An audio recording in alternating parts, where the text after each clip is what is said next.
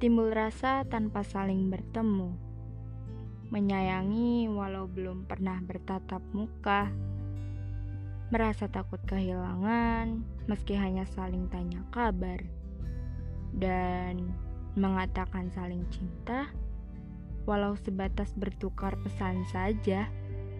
Sungguh aneh, namun memang benar adanya kisah cinta yang menurutku sangat rumit, namun terkesan bodoh.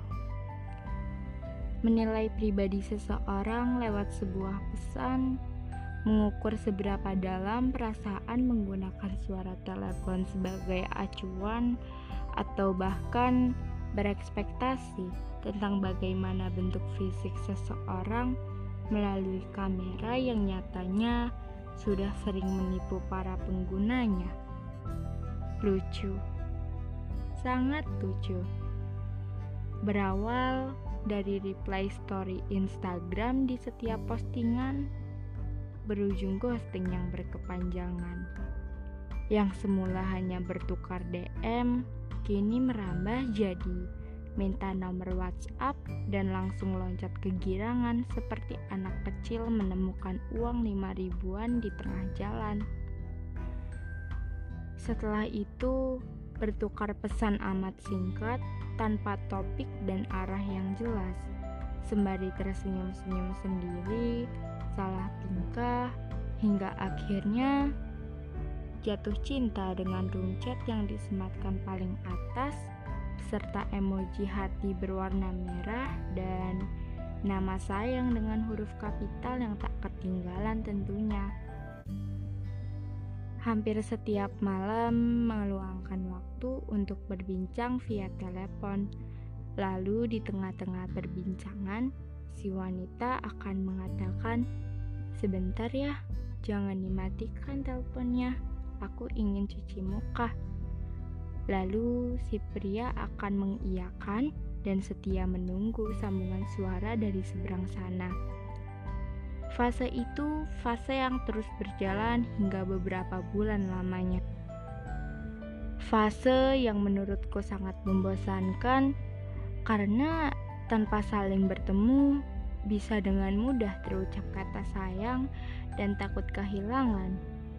Hingga akhirnya muncul selisih paham yang entah apa titik permasalahannya lantas berujung perpisahan dengan kata, "Maaf, kita sampai di sini saja." Dan jelas, di hari berikutnya tak ada lagi kata sayang. Tak ada lagi acara bertukar kabar serta gombalan suara via telepon genggam. Apa kalian pernah mengalami hal yang sama seperti ini? Jika pernah, bagaimana rasanya?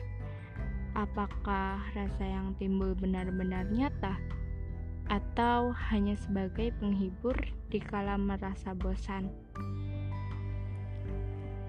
Salah seorang temanku benar-benar mengalami hal ini, menjalin hubungan yang orang bilang sebagai pacaran selama satu tahun delapan bulan tanpa pernah bertemu dan bertatap muka secara langsung.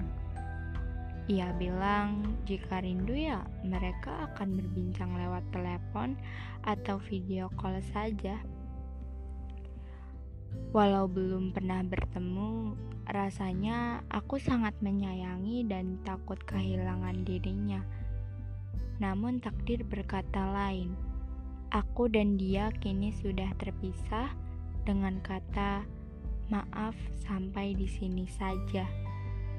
Lalu sekarang ia sudah bahagia dengan tunangan baru yang ia kenalkan padaku tempo hari itu. Tunangan yang nyata bukan sebatas bertukar pesan atau suara. Kata temanku ketika bercerita tempo hari. Dia bercerita denganku sembari menangis sesegukan mengatakan bahwa ia benar-benar menyayanginya. Tak peduli bagaimana bentuk fisik dan apa kekurangan yang dimiliki. Ia bahkan sempat nekat ingin pergi keluar kota untuk menemui si pria. Namun untungnya niat itu dia urungkan karena satu dan lain hal. Hingga berhari-hari lamanya, aku menghibur dia agar sedikit melupakan mantan pacar online-nya itu. Walau terkadang ia masih sering teringat dan membuat moodnya hancur seketika. Namun tetap saja aku masih sangat tak mengerti bagaimana caranya ia bisa sangat sulit melupakan orang yang bahkan belum pernah ia temui sebelumnya. Karena sejujurnya aku tak pernah mengalami hal seperti ini. Jangankan belum saling bertemu, yang katanya selalu ada pun sangat sulit bagiku untuk mengucap sayang atau takut kehilangan. Bukan, bukan masalah aku tak normal Aku juga ingin seperti wanita-wanita lain yang secara rutin melakukan apel malam mingguan. Aku hanya malas berkenalan dengan orang baru yang sudah bisa kutebak alur perjalanannya. Alur perjalanan cinta yang berawal manis dan bahagia lalu berakhir putus dan saling benci menyindir satu sama lain ketika bertemu atau via story Instagram saja. Tapi entahlah, setiap orang pasti mempunyai kisah percintaan yang berbeda-beda. Ada yang berjalan mulus, ada juga yang sangat tak menyenangkan. Namun, mau bagaimanapun alurnya, ikuti saja dengan bahagia. Karena percayalah, tak semua orang bisa berada di posisimu sekarang yang katanya sangat menyenangkan. Banyak orang di luar sana yang ingin berada di posisimu sekarang, termasuk diriku. Manfaatkan waktu yang sangat singkat dengan mengukir banyak momen untuk disimpan sebagai masa lalu yang akan disebut kenangan.